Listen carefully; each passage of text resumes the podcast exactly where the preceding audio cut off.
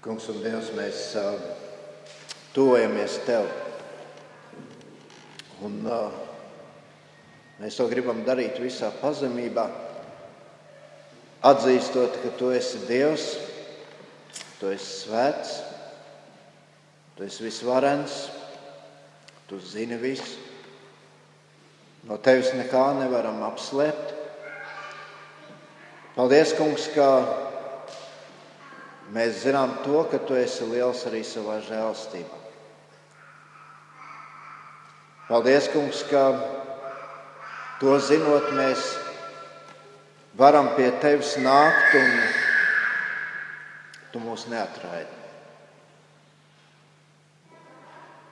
Bet mēs zinām, Kungs, arī, ka tu esi taisnīgs.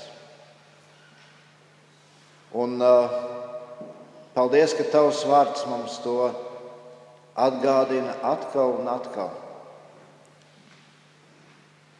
Kungs, paldies par šo dzīves laiku, ko tu mums dod, un par tām iespējām izvērtēt savu dzīvi, ieraudzīt kādas lietas tur, kas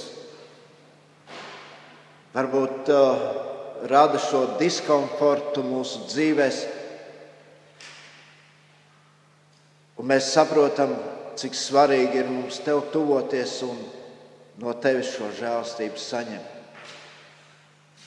Paldies, ka tu joprojām esi atvērts pret mums, ka tu joprojām turpini mūs mīlēt, ka tu to nepārstāji darīt. Un, kungs, ja šodien tavam vārdam tuvojamies, tad lūdzam svētī mūsu pārdomas. Lai tavs gars ir tas, kas katru no mums pārliecina. Paldies, Kungs, par tavu vārdu. Āmen. Lūdzu, sēdieties.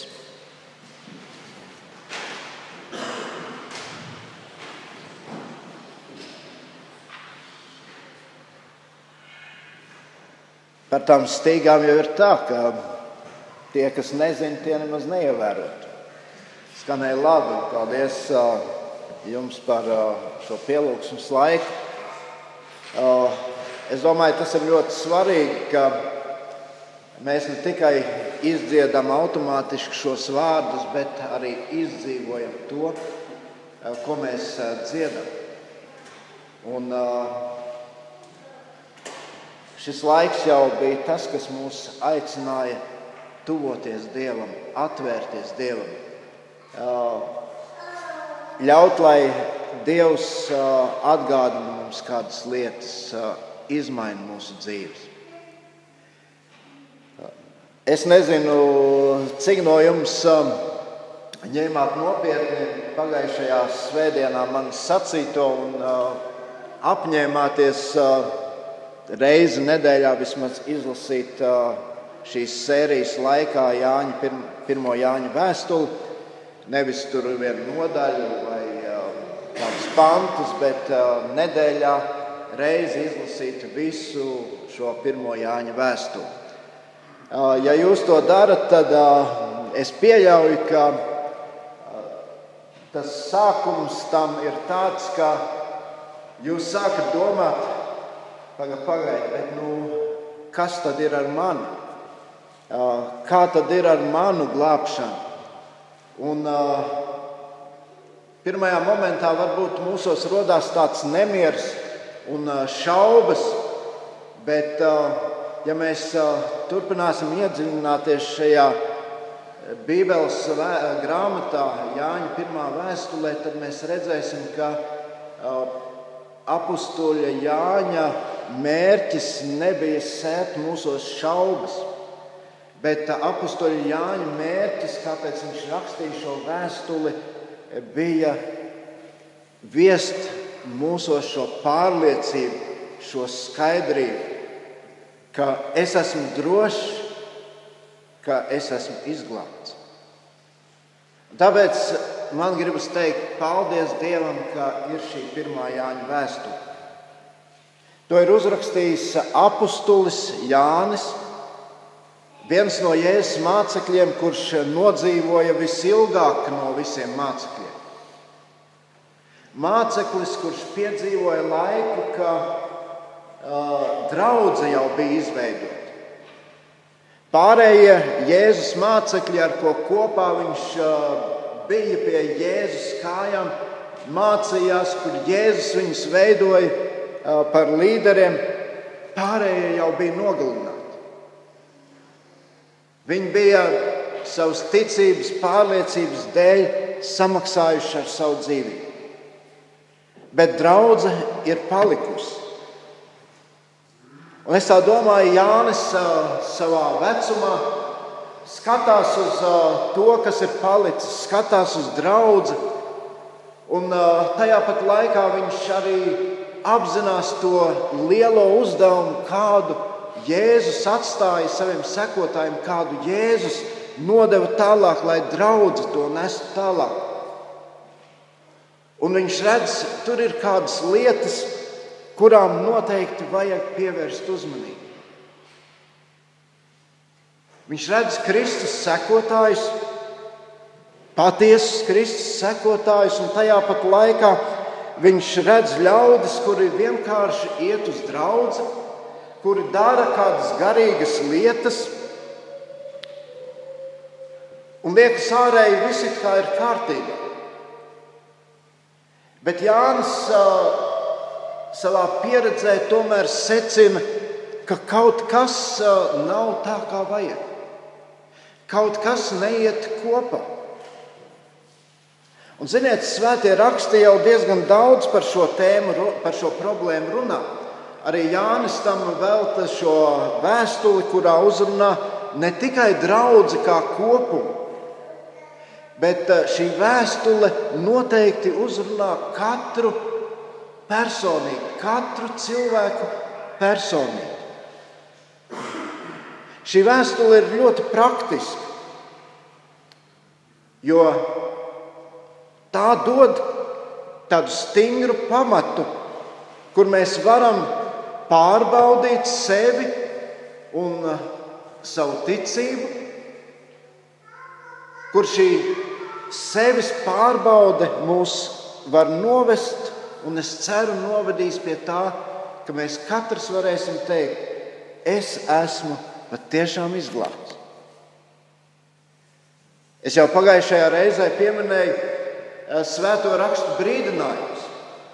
Mēs varam tam vēl pievienot arī šo Kristus stāstīto līdzību par četriem augsnes veidiem, kur sēkla, kas ir Dieva vārds, krīt šajās augsnēs, bet Jēzus saka, ka tikai vienā izaug augi. Redziet, ir dažādi iemesli, kāpēc cilvēki iet uz draugu. Daudziem vienkārši patīk to darīt.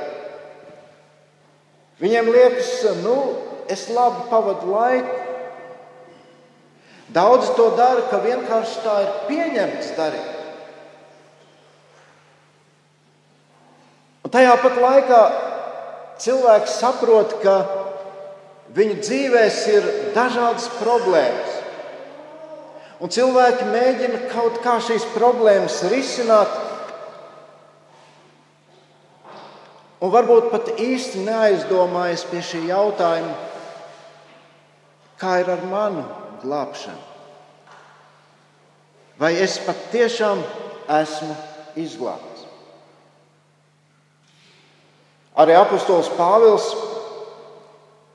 vērojot draugu, kuru viņš bija izveidojis, tā bija Korintas drauga.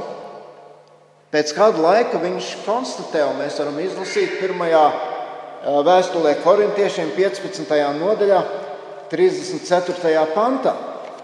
Apostols Pāvils saka šiem kristiešiem, raksta vēstuli un saka, nāciet pie skaidra prāta, kā piedaras, un negrēkojiet. Jo daži starp jums ir pilnīgā neziņā par Dievu. To saku jums par kaunu. Interesanti, ka apostols Pāvils runā par cilvēkiem, kuri ir draudzēji. Varbūt tie bija cilvēki, kurus viņš pats bija kristījis. Savā laikā es jau pieminēju šo, šos vārdus, kā arī Jēzus brīdināja.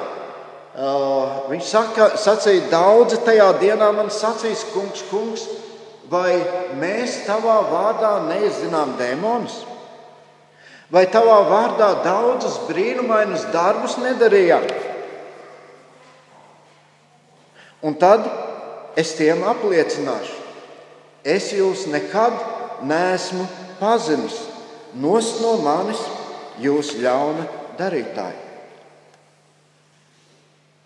Un lūk, lai būtu pārliecināts, ka mana ticība ir īsta, tad Jānis runā par kādiem principiem,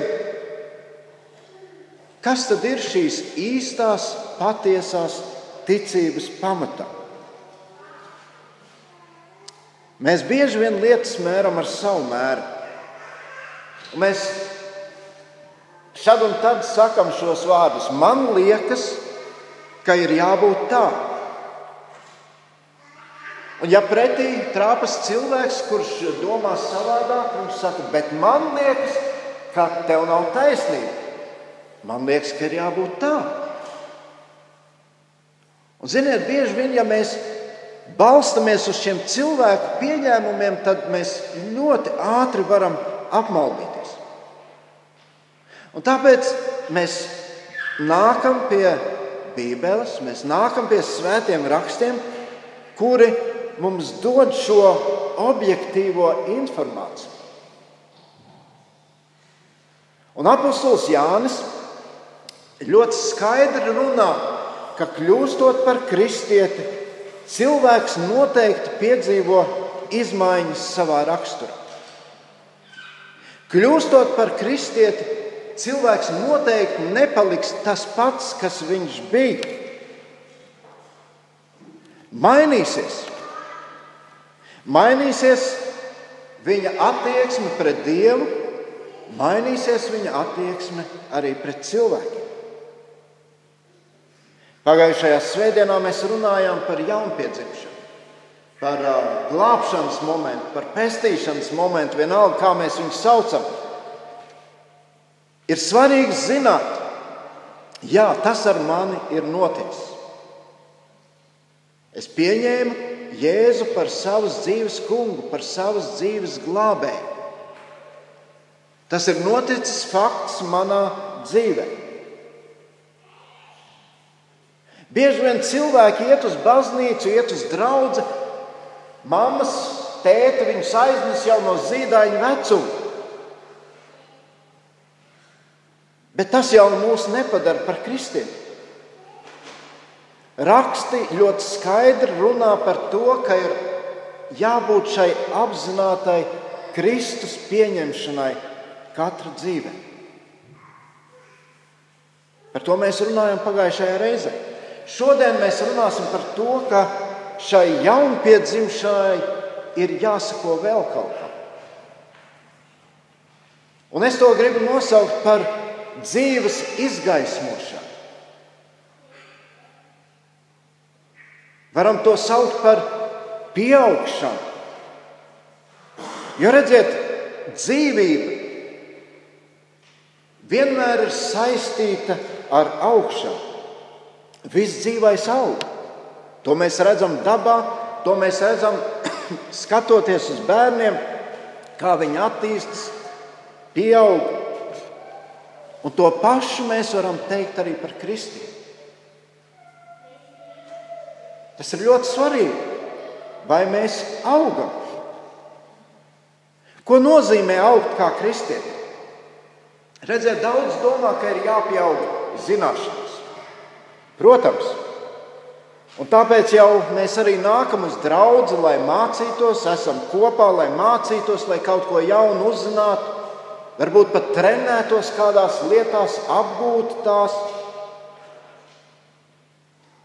Bet daudzreiz, kad mēs domājam, vai kristietis aug, tad bieži vien mūsu vienīgā mēraukla ir tas, nu, cik aktīvs viņš ir savā garīgajā dzīvē.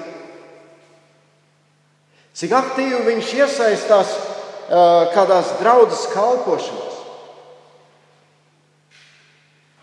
Varbūt pat uh, par mērauklu mēs izvēlamies, kad paprasām, nu, cik ilgi tu esi šajā, šajā draudzē. Bet Bībeles izpratnē pieaugšana, briedums nozīmē, cik lielā mērā tava dzīve atspoguļo Kristus raksturu. Un viena no tādām svarīgākajām lietām ir, kāda ir mūsu attieksme pret grēku. Visi grēki. Arī patiesa kristietis grēki. Mēs varam pieminēt uh, dažus personāžus no Bībeles, un tur ir ķēniņš Dāvids. Viņš grēkoja,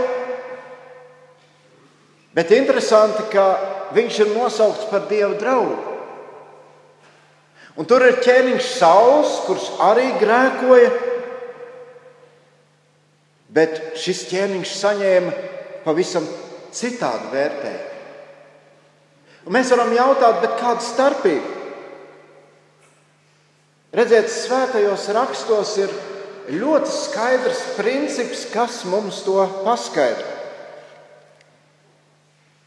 Ir cilvēki, kuri saka, nu, kristietis nevar grēkot, kristietis negrēko.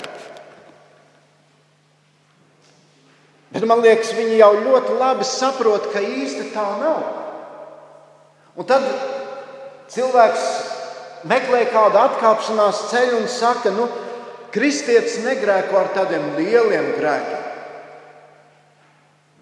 Mēs uzņemamies šo atbildību sadalīt grēkus grupās, dažādās kategorijās.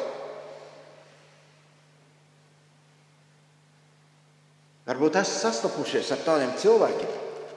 Bet Bībele ļoti skaidri pasaka to, ka jebkura grēka alga ir nāve. Es vēlos, lai jūs atšķirtu, ja jums ir Bībeles līdzi, un es aicinu jūs tās ņemt līdzi, atšķirtu pirmo Jāņa vēstuli. Pirmo nodaļu mēs turpināsim to lasīt šodien. Pirmā Jāņa vēstule, pirmā nodaļa, sāksim ar 5. pantu līdz 2. nodaļas 6. pantam. Un šī ir vēsts, ko esam no viņa dzirdējuši un ko jums pasludinām, ka Dievs ir gaisma un viņā nemaz nav tumsas. Ja mēs sakām, ka mums ir sadraudzība ar viņu, bet staigājam tumsā, tad mēs melojam un nedarām patiesību. Bet ja mēs staigājam gaismā, kā viņš ir gaisma, tad mums ir sadraudzība citam ar citu, un viņa dēla Jēzus asinis mūs šķīsta no visas apgrēcības. Ja sakām, ka mums nav grēka, tad maldinām sevi un patiesības nav mūsos. Ja atzīstamies savos grēkos, tad Viņš ir uzticams un taisns un mums piedod grēkus un šķīstī mūs no visas netaisnības. Ja mēs sakām, ka neesam grēkojuši, tad padarām viņu par meli un viņa vārda nav mūsos. Mani bērni, to es jums rakstu, lai jūs negrēkotu. Un, ja arī kāds grēko, tad mums ir aizstāvis tēva priekšā Jēzus Kristus, tas taisnais. Viņš ir ne tikai mūsu, bet arī visas pasaules grēku izlīdzinātājs. No tā mēs zinām, ka esam viņu atzinuši, ka turam viņa baušļus, kas saka, es esmu viņu atzinis, bet netur viņa baušļus tas ir melis, un tādā nav patiesības. Bet ja kas viņa vārdu tur, tādā patiesa Dieva mīlestība ir piepildījusies. No tā mēs zinām, ka esam viņā. Kas sakās, paliekam viņā, tam arī pienākas tā dzīvot, kā viņš ir dzīvojis. Pavisam īsi Jānis šeit ļoti detalizēti apraksta, kā patiesa kristietis attiecas pret grēku. Un viņš šeit piemin trīs lietas. pie kurām arī nedaudz apstāsimies. Vispirms viņš saka, ka īsts kristietis atzīst, ka viņš ir grēcinieks. Un tas nenotiek tikai tā uh, vispārīgi, bet īsts kristietis atzīst konkrētus grēkus. Otrakārt, Jānis saka, īsts kristietis noteikti izsūdz, nožēlo savus grēkus. Un treškārt, īsts kristietis ir pārliecināts, ka viņa grēki ir piedoti. Un šī ir vēsts, ko esam no viņa dzirdējuši, un ko jums pasludinām, ka Dievs ir gaisma, un viņā nemaz nav tumsas. Dievs ir gaisma. Ko tas nozīmē? Redziet, kad mēs kā cilvēki runājam par gaismu, tad mēs domājam to, ko uztver mūsu acis. Un bieži vien daudzas lietas mūsu acīm paslīd garām. Bībelē vairāk kārt ir sacīts, ka Dievs ir gaisma.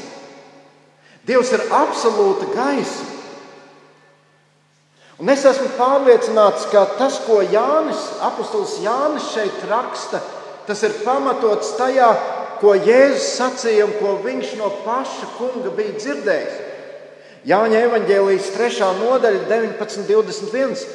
Jēzus saka, tiesas spriedums ir tāds, ka gaisma ir nākusi pasaulē. Bet cilvēki bija iemīlējuši tumsu vairāk nekā gaismu, tādēļ viņu darbi bija ļauni. Ik viens, kurš dara ļaunu un īstu gaismu, lai viņa darbi netiktu nosodīti. Bet kas patiesību dara, dara tas nāk pie gaismas, lai viņa darbi kļūtu atklāti, lai tie darīti dievam. Un kad apustulis Jānis runā par to, kas dod mums pārliecību par glābšanu, tad viņš domā tieši šo izpratni, ka Dievs ir gaisma Un ka mums ir jāsaprot, ka mēs no Dieva pilnīgi neko nevaram noslēpt. Nu, ir taču mūsu dzīvēs lietas, ko mēs slēpjam. Un tas lielākais uztraukums ir, ka tikai kāds to neuzzina. Bet apostols Jānis saka, ka Dievs ir gaisma. Dievam viss ir atklāts. Visi mūsu darbi, katra mūsu doma. Vēstules ebrejiem autors saka, 4.13. Nav tāda radījuma, kas Dieva priekšā būtu apslēpts. Viss ir kails un atsekts viņa priekšā. Viņam mēs dosim norēķinu.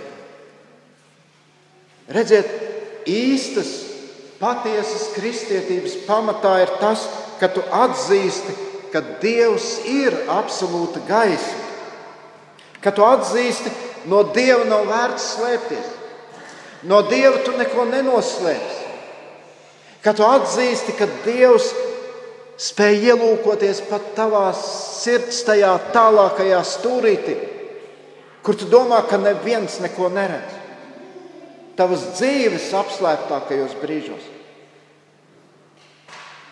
Redziet, ja mēs sakām, ka man mani grēki ir piedoti, tas nenozīmē to, ka mums par tiem vairs nav jādomā. Kāda bija Ādama un Ievas problēma pēc tam, kad viņi bija sagrēkojuši? Problēma bija tā, ka viņi sāka slēpties no Dieva. Viņi bēga. Ar cilvēku, kurš patiesi nāk pie Dieva, notiek pretējs process. Viņš pārstāj slēpties no Dieva. Viņš nebēg no Dieva. Viņš nāk pie Dieva tāds, kāds viņš ir, saprotot un atzīstot, kas viņš ir cilvēks, kurš joprojām grēko. Būt gaismā vispirms nozīmē to, ka tu atzīsti savu grēcību, ka tu atzīsti konkrētus grēkus savā dzīvē. Bet mēs esam cilvēki. Un redzēt, cilvēkiem jau tas neliekas dabiski. Mēs varētu teikt, cilvēkiem ieslēdzas tāds kā aizsardzības mehānisms. Mums ir tāda drošinātāja, citreiz var, varbūt pat dubultīgi. Un mēs zinām, tur ir elektroierīces, un uh, kādreiz tur kaut kas notiek, un izsit drošinātājs. Ir ierīces, kam ir dubultā aizsardzība, un viņi turpina strādāt, ka tas viens drošinātājs ir izsists līdz brīdim, kamēr otrs tiek izsists. Un tā ir ar mums cilvēkiem. Mums Mūsos ir šis mehānisms, kurš darbojas un cenšas mūs aizsargāt. Mēs sakām, jā, es esmu grēkojis, bet tāpēc, tāpēc, tāpēc. Redziet, tas notiek, jo grēks ir tas, kurš vienmēr arī mūs kā cilvēkus apkaunas. Un mēs centīsimies šo apkaunojumu jebkurā veidā noslēpt, kaut kā sevi spodrināt, padarīt labāku. Mēs lasījām šeit, 6. pantā, ja mēs sakām, ka mums ir sadraudzība ar viņu, bet staigājam tumsā, tad mēs melojam un nedarām patiesību. Staigāt gaismā, atzīt, ka Dievs ir gaisma, nozīmē, es atzīstu savu realitāti. Es esmu grēcinieks. Un vispirms tas nozīmē to, ka tu to atzīsti pats sev. Ar to visam ir jāsāk. Jo kamēr tu pats sev neatzīsti, ka esi grēkojis, tu nekur tālāk netiksi. Vispirms ir jābūt godīgam pašam pret sevi. Kad tu pats sev šīs lietas nosauc īstajos vārdos, kad tu pats sev saki, tā un tā lieta, ko es daru, tas ir grēks. Un Dievam tas nepatīk. Apostols Pāvils pirmajā vēstulē Timotejam 4. nodaļā, 16. pantā, viņš arī tieši to uzsver. Viņš saka, esi apzinīgs pret sevi un mācību. Pie tā paliec, jo tā darīdams tu izglābsi gan sevi, gan savus klausītājus. Viss sākas ar to, ka tu pats sev atzīsti, jā, es esmu grēkojis. Otrakārt, staigāt gaismā nozīmē ka tu atzīsti Dievam. Viena lieta ir, ka tu pats atzīsti, un tu vari varbūt pats ar sevi runāt, jā, nu tas grēks ir manā dzīvē. Bet eh, otra lieta ir atzīt to Dievu priekšā. Mans pieminētais Dāvids, ķēniņš Dāvids. Tur bija brīdis viņa dzīvē, kad viņš krita grēkā. Viņš pārkāpa laulību. Un tad kādu laiku viņš eh, dzīvoja tā, it kā nekas nebūtu bijis. Nē, nē, nu, protams, sirdsapziņa viņu mocīja, viņš kaut kādā veidā centās tur izlavierēt, aizsūtot uh, šīs sievietes vīru tur uh, drošā nāvē.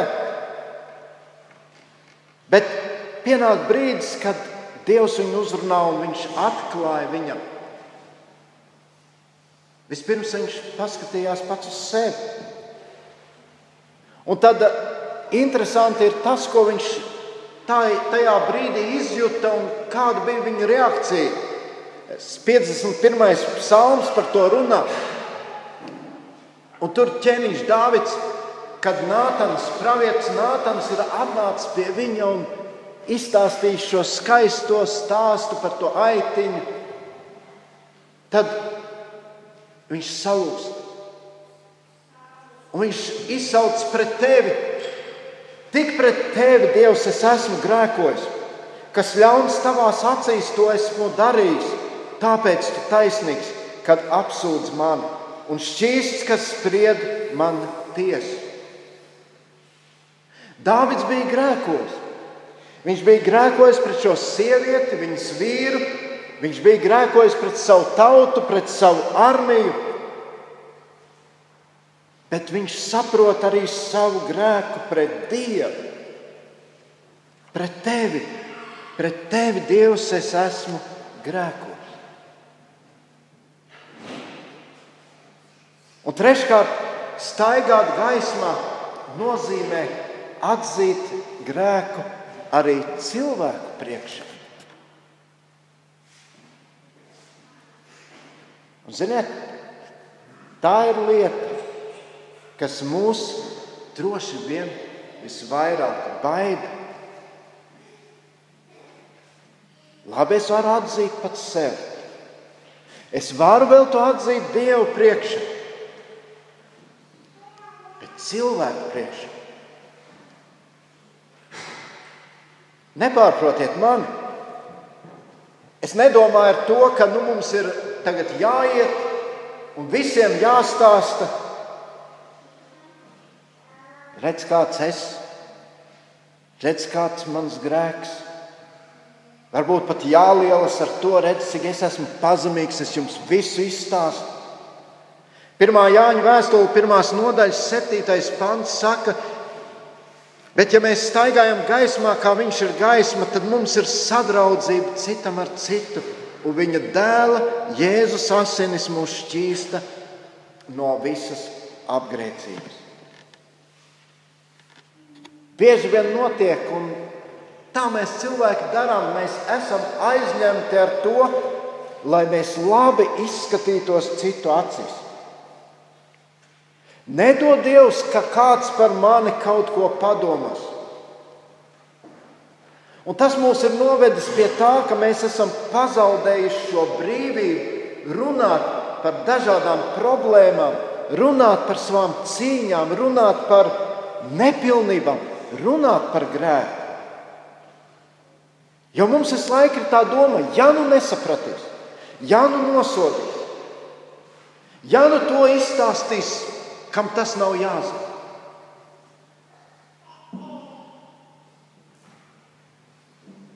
Apostoliņa darba grāmata arī par to runā, un uh, tur ir aprakstīta pirmā draudzene. Viņi bija kopā. Viņi bija kopā ar visām savām problēmām. Viņi bija kopā arī ar šīm cīņām, ar grēkiem savā dzīvēm. Šie ļaudis neslēpās viens no otra. Un tur ir interesanti, ka pirmie cilvēki, pirmie kristieši, kuri centās, ko mēs vismaz zinām no pirmās draudzes vēstures, kuri centās kaut ko slēpt no draudzes, bija Hanāņa un Safija. Apostoliņa darba piektā nodaļa par to runā. Kāda bija tā reakcija draudzē? Tas bija kaut kas ārkārtējs. Viņi to nekad nebija piedzīvojuši.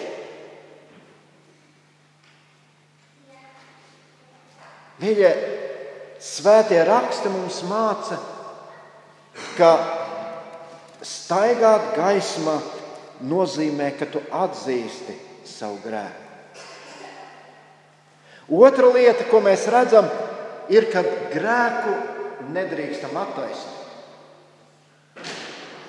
Pirmais, ko Ādams darīja, tajā brīdī, kad pirmie cilvēki krita grēkā, bija ļoti interesanta lieta. Pirmā mūzes grāmata, trešā nodaļa par to runā, 12. pants. Ādams saka, tā sieva, ko tu man devi, viņa man deva no tā koka, ko es ēdu. Bet Dievs Ādamam uzdeva pavisam citu jautājumu. Dievs Ādamam jautāja, vai tu ēdi no tā koka, ko es tev pavēlēju, nē, no tā. Un, lai atbildētu uz šo vienkāršo jautājumu, Ādams meklē attaisnojumus. Sieva, kuru starp citu tu Dievs man devi. Jā, viņš jau nenoliedz, ka viņš būtu grēkojis, bet viņš kaut kādā veidā cenšas šo grēku mīkstināt, attaisnot sevi.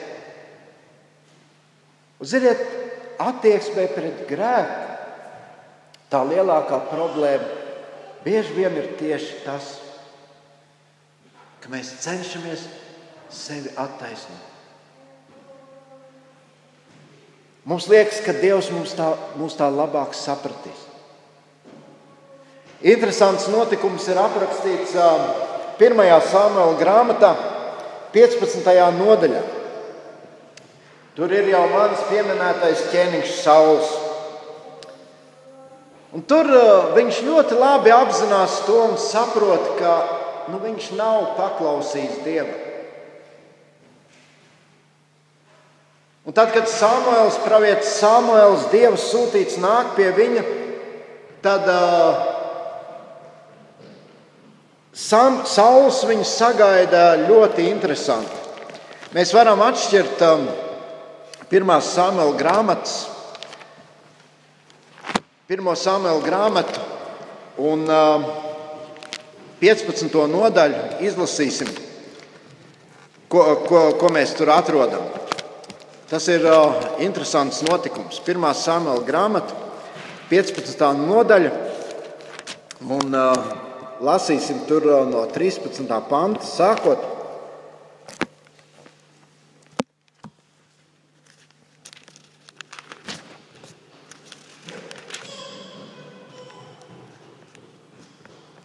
Samuēls atnāca pie Saula, un Sauls viņam teica: Esi kunga svētīts. Es esmu pildījis kunga vārdus. Bet Samuēlu viņam neizdodas apvārdot, jo redziet, Dievs bija atklājis Samuēlam šo savu problēmu. Un tur mēs tālāk lasām, bet Samuēls teica, kas tā par aviju blēšanu, kas skan man ausīs, un vēršu maurošanu, ko es dzirdu? Sauls atbildēja, tie ir atvesti no amalēkiešiem. Labākās avis un vērši, ko ļaudis pasaudzēja, lai upurētu kungam, tavam dievam. Bet visu pārējo mēs esam iznīcinājuši. Dievs deva pavēlu Saulam iznīcināt visu. Bet interesanti, ka te viņš sāka novelt vainu, lai kaut kā sevi attaisnotu. Viņš saka, nu, tauta to izdarīja. Mēs tikai labākos, labākos paņēmām, lai upurētu tavam dievam. Pārējo mēs visu paklausījām, mēs iznīcinājām. Citiem vārdiem sakot, lielāko daļu, ko Dievs man lika, es izpildīju. Jā, mēs arī bieži tā domājam. Nu, pa lielam jau ar mani viss ir kārtībā. Varbūt kādi sīkumi ir palikuši. Gan jau Dievs uz to kaut kā pievērs acis. Bet, ziniet, Dievs nekad ne tev, ne man nepārmetīs to, kas ir bijis un ko tu esi nolicis. Bet Dievs noteikti atgādinās to, kas vēl tev ir un ko tu centies attaisnot. Mēs zinām, ka Sauls to darot, beig, beigās zaudēja visu. Dievs, kuram tu esi nodevis savu dzīvi, noteikti to mainīs. Dievs noteikti tevi mainīdams, uzrādīs tev lietas, kuras tev ir jāmaina. Uzrādīs tev grēkus, kurus varbūt pirmajā mirklī tu nemaz neiedomāsies. Bet tas jautājums ir, ko tu ar tiem dari? Vai tu tos atzīsti? Vai tā vietā, lai atzīt, tu meklē kādus attaisnojumus. Vai tu tos nožēlo? Jāatzīstamies savos grēkos. Tad viņš ir uzticams un taisnīgs un mums piedod grēkus un šķīstī mūs no visas netaisnības. Ja mēs sakām, ka neesam grēkojuši, tad padarām viņu par meli, un viņa vārda nav mūsos. To es jums rakstu, lai jūs negrēkotu. Un ja arī kāds grēko, tad mums ir aizstāvis tēva priekšā Jēzus Kristus, tas taisnīgs. Viņš ir ne tikai mūsu, bet arī visas pasaules grēku izlīdzinātājs. No tā mēs zinām, ka esam viņu atzinuši, ka turam viņa baušļus. Kas saka, es esmu viņu atzinis, bet netur viņa baušļus, tas ir melis, un tādā nav patiesības. Bez tā, ka tu atzīsti savus grēkus Bez tā, ka tu nemeklē kādus attaisnojumus savam grēkam, un bez tā, ka tu tos patiesi nožēlo, tu nekad nebūsi pārliecināts par savu glābšanu. To mums atklāja Dieva vārds. Es vēlreiz gribu uzsvērt, tā nav Vilāns draudzes uh, tradīcija, ko mēs cenšamies īstenot praksē. Tas ir Dieva vārds. Un tāpēc ņemsim nopietni to vērā. Lūksim Dievu. Kungs, Dievs, paldies par to, ka Tu atkal kādās lietās viesi skaidrību mūsu dzīvē. Un ja mēs jau varbūt to zinājām, bet paldies, ja to zinājām un esam par to pārliecināti un darām to, ka to atkal mums to atgādini būt nomodā.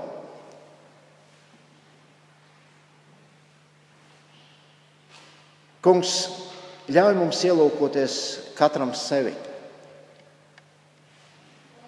Ļauj mums saprast, kur mēs esam šajā brīdī ko mēs domājam par lietām, ko mēs darām un kāda ir mūsu attieksme brīdī, kad mēs saprotam, ka mums ir jāapstājas. Ka tavs gars, tavs vārds mums skaidri pasaka, apstājies ne tālāk. Noliec to. Tu dari to, kas ir Dievam nepatīkams. Dievs palīdz mums pievērst uzmanību tām lietām, ko gan lasot tavu vārdu, mēs ieraugam, un kur varbūt mēs meklējam kādā citā šīs vainas, un tik reti varbūt ielūkojamies savā dzīvē un saprotam, arī es esmu tāds. Paldies, Kungs, ka tu turpini darbu pie mūsu dzīvēm, ka tu uh, neesi vienaldzīgs pret to, kā mēs jūtamies. Un paldies, ka tu gribi, lai mēs esam pārliecināti, lai mēs dzīvojam ar šo pārliecību, lai mēs varam šo pārliecību droši nest arī šajā pasaulē, kurā mēs dzīvojam. Tu, Dievs, mūs esi izglābis.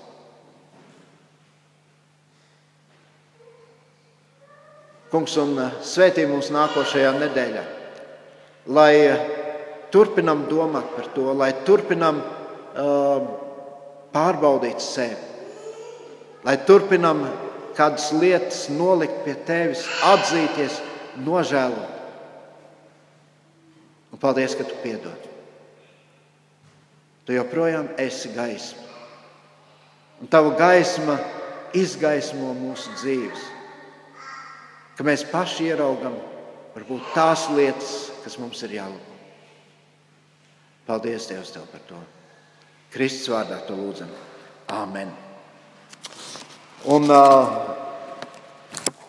mūziķi jau var nākt, Kārlis arī vēl kaut ko teiks, bet uh, nākošajā svētdienā, kā jau teicu, pļaujas svētki, un uh, mēs uh, šajā sērijā mazu pauzīti, mēs nobeidzām pirmo bloku, turpināsim domāt par to, kā izpaužas tas, ka mēs sakam, es esmu izglābts, kā tas maina mūsu raksturu, mūsu attieksmi pret Dievu, pret cilvēkiem. Mēs par to turpināsim pēc nedēļas. Nākošajā svētdienā svinēsim Pļaujas svētkus.